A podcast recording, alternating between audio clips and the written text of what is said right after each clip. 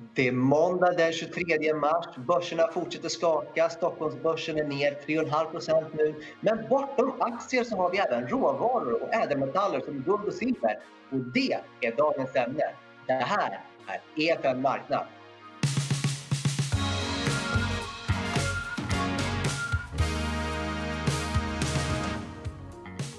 Ädelmetaller, guld och silver. Då är det såklart dig man har med sig. Erik Strand, varmt välkommen. Tackar, tackar. Eh, ja, du, det har ju varit otroligt skakigt och mycket har hänt sedan du var här senast. Vad är det senaste?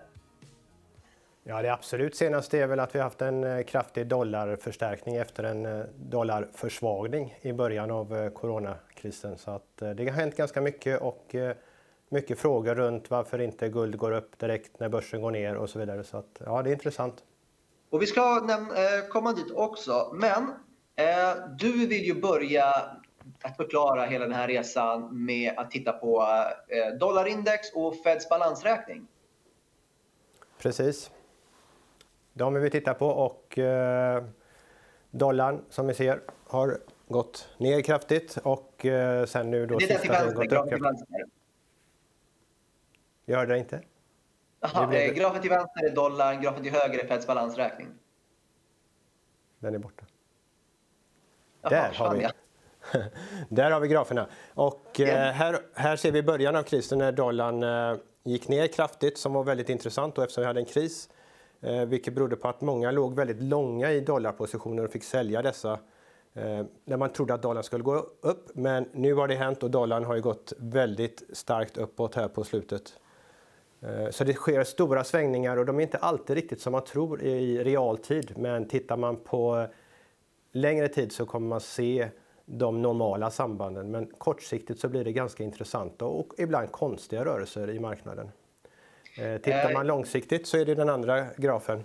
Eh, Federal Reserves så att säga, balansräkning och de stimulanser som man nu sätter in för att rädda världsekonomin.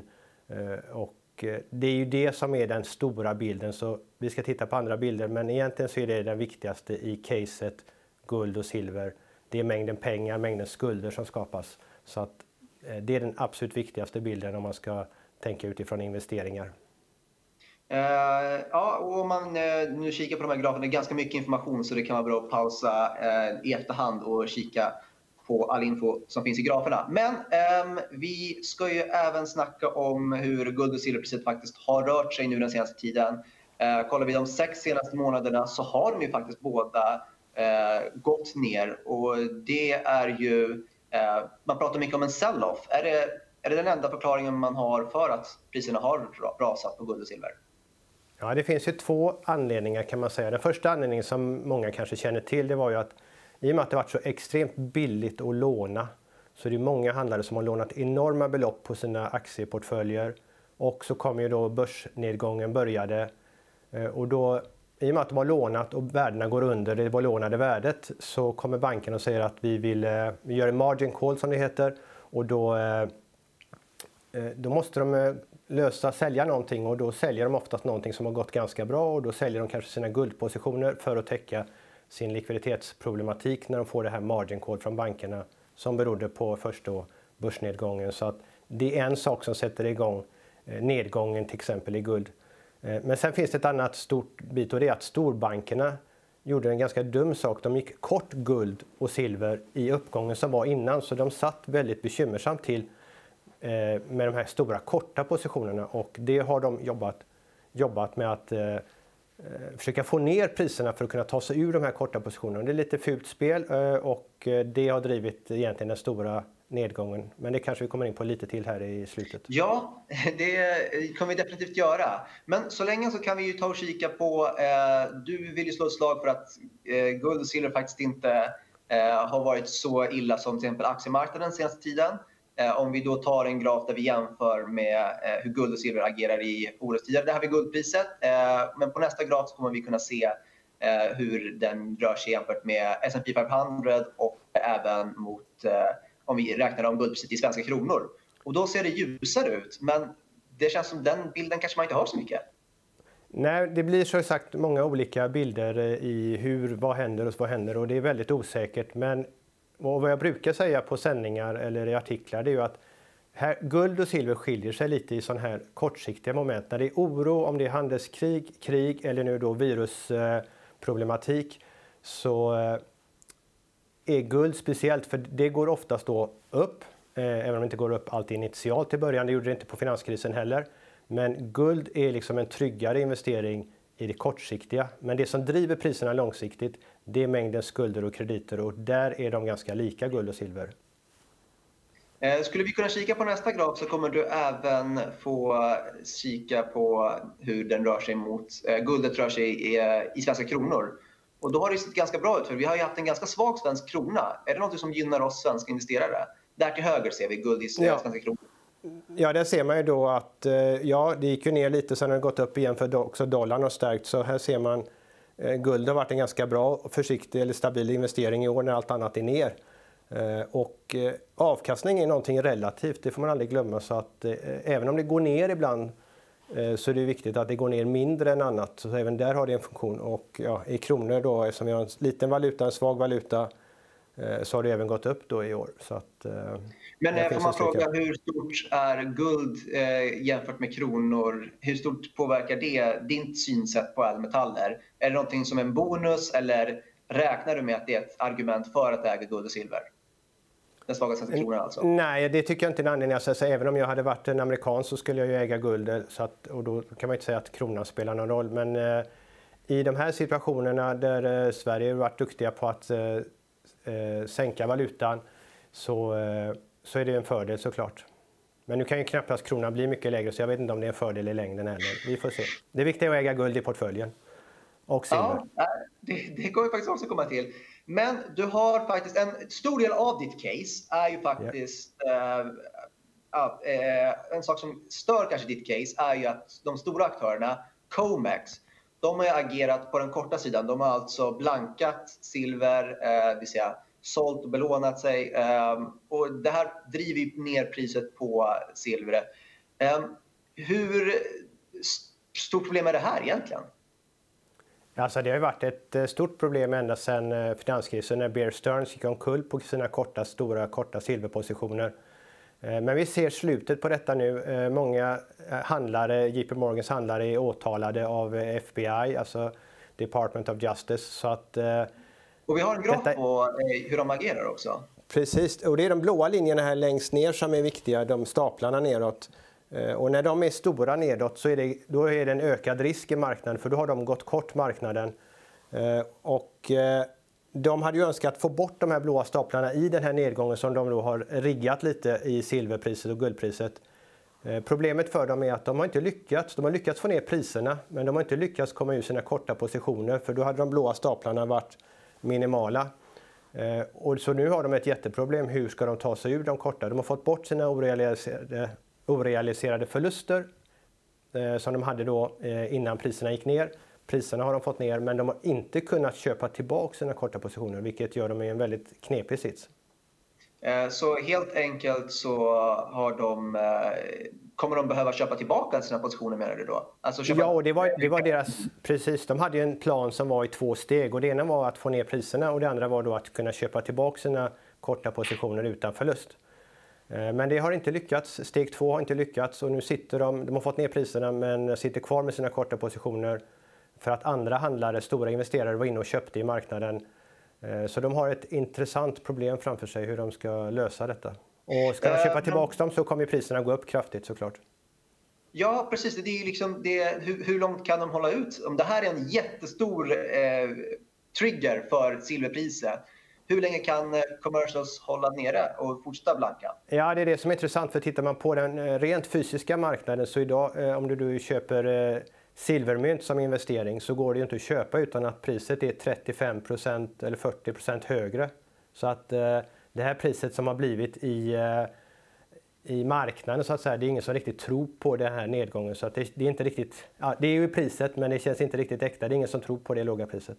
Men hur kan det fysiska silvret skilja sig så mycket i pris jämfört med papperssilvret eh, som ska följa ja, Man ska inte ska säga att det är pappers. Spotpriset är ju spotpriset men det här Comex som har blivit en lite av en spelarena för storbanker. De har kunnat driva ner priset men det marknaden säger, den verkliga marknaden säger att där, vi tror inte på det här priset så att eh, troligen kommer det komma tillbaks. Men går priset upp så hamnar ju de här storbankerna i problem igen eh, om de inte kommer ur sina korta positioner. Så att eh, det är en väldigt intressant match just nu.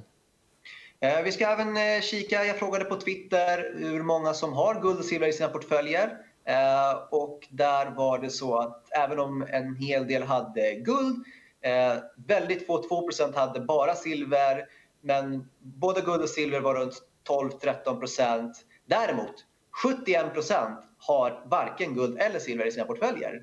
Ehm, var det här någon överraskning för dig eller är det typ det här du upplever när du pratar med investerare? Att de ja, men det, det, är väl där vi är och väl det som är intressant kanske för mig som pratar om det och, och som förvaltar en fond i, i området är ju att eh, det finns en stor potential både i världen men framförallt i Sverige eh, att komma ikapp övriga världen i att öka andelen Eh, ädelmetaller och eh, nu när vi ser det, vi har ju inte haft någon börskrasch eller nedgångar på länge och man börjar titta på vad finns det för alternativ eller vad kommer gå bra i framtiden nu när alla stimulanser då som förhoppningsvis ska hjälpa upp eh, ekonomin eller liksom rädda ekonomin. Men de kommer ju få en effekt eftersom vi skuldsätter vår framtid och i princip när man trycker pengar så förstör man ju värdet på pengar och det är ju det som sagt då är drivkraften för guld och silver.